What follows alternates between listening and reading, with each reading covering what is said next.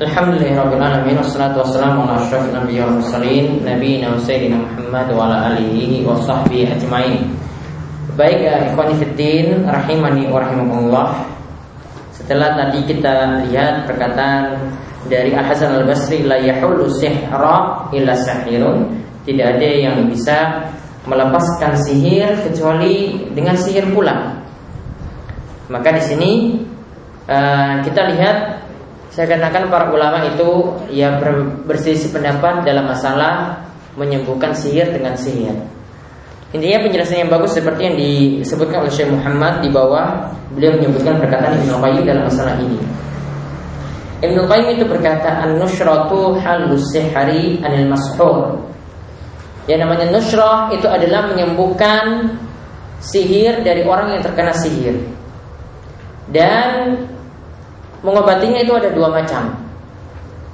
Yang pertama, halu bisiharin mislihi, yaitu mengobati dengan sihir yang semisal. Sihir dilawan dengan sihir, santet dilawan dengan santet. Ya, jadi sama-sama dilawan seperti itu. Ini barangkali datangkan sihir yang lebih ampuh jadi syiriknya lebih parah nanti karena semakin ampuhnya sihir itu dilihat dari syiriknya semakin parah. Berarti di sini ya dia semakin kufur kepada Allah maka syiriknya itu uh, sihirnya itu lebih ampuh. Maka ditangkanlah sihir yang lebih ampuh daripada itu untuk melawan sihir yang pertama.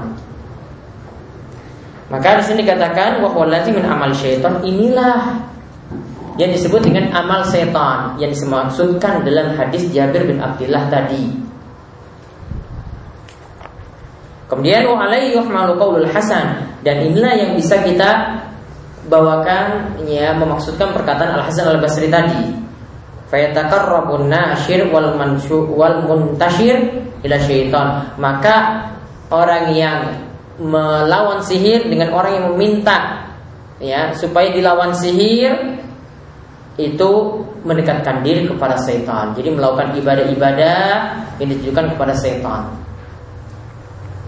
bima yuhibbuhu yaitu melakukan apa yang setan itu mau. Fayubtilu amalahu anil mashur. Maka orang yang disihir itu nanti sihirnya itu hilang. Kemudian yang kedua an-nusratu birruqyati wa ta'awudzat wa da'awat wal adwiyah al-mubahat. Hadza jaizun. Yaitu mengobati sihir dengan cara ruqyah mengobati sihir dengan membaca ta'awudz ta'awudz ta'awudzat yaitu membaca surat-surat ya yang di dalamnya ada permintaan perlindungan kepada Allah qul a'udzu birabbil falaq qul a'udzu birabbin nas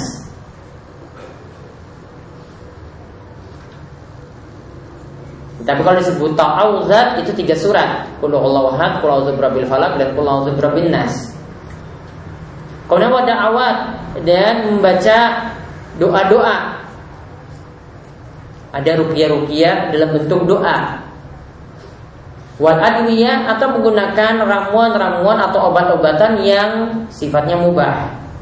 Fahada jaizun. Nah, untuk yang kedua ini ini dibolehkan.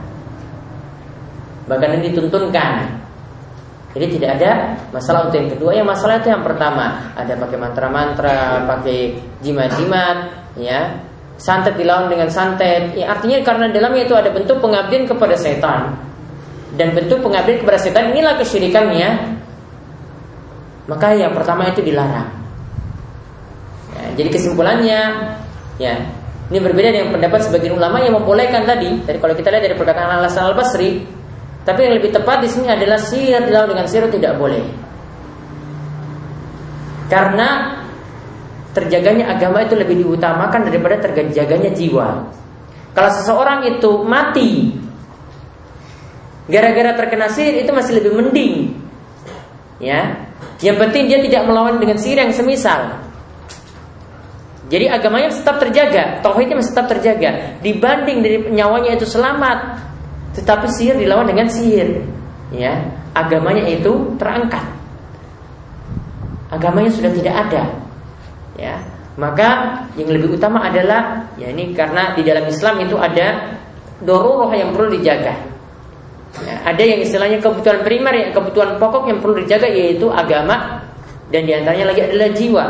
Agama tentu saja lebih dahulukan dijaga daripada jiwa seseorang. Jadi masih lebih baik seorang itu mati ya terkena sihir daripada mesti mengorbankan dirinya supaya ya mengorbankan agamanya supaya bisa melawan sihir yang semisal. Jadi terjaganya agama ini sebagaimana kata seorang syekh ini lebih dahulukan daripada terjaganya jiwa. Kemudian ada faedah dari pembahasan ini yaitu an-nahyu nusrah yaitu larangan dari nusrah. Nusrah yang dimaksudkan di sini adalah nusrah dari amalan jahiliyah yaitu membantah sihir dengan sihir. Itu tidak boleh. Kemudian yang kedua disebutkan tentang perbedaan antara nusrah yang terlarang dan nusrah yang murakhas yang diberi keringanan mimma yuzil iskal yang ini supaya dihilangkan kerancuan-kerancuan yang ada tentang masalah nusrah ini. Yaitu dengan terakhir tadi Syekh Muhammad membawakan perkataan Ibnu Qayyim ya jadi itu pembahasan kita pada hari ini tentang masalah sihir.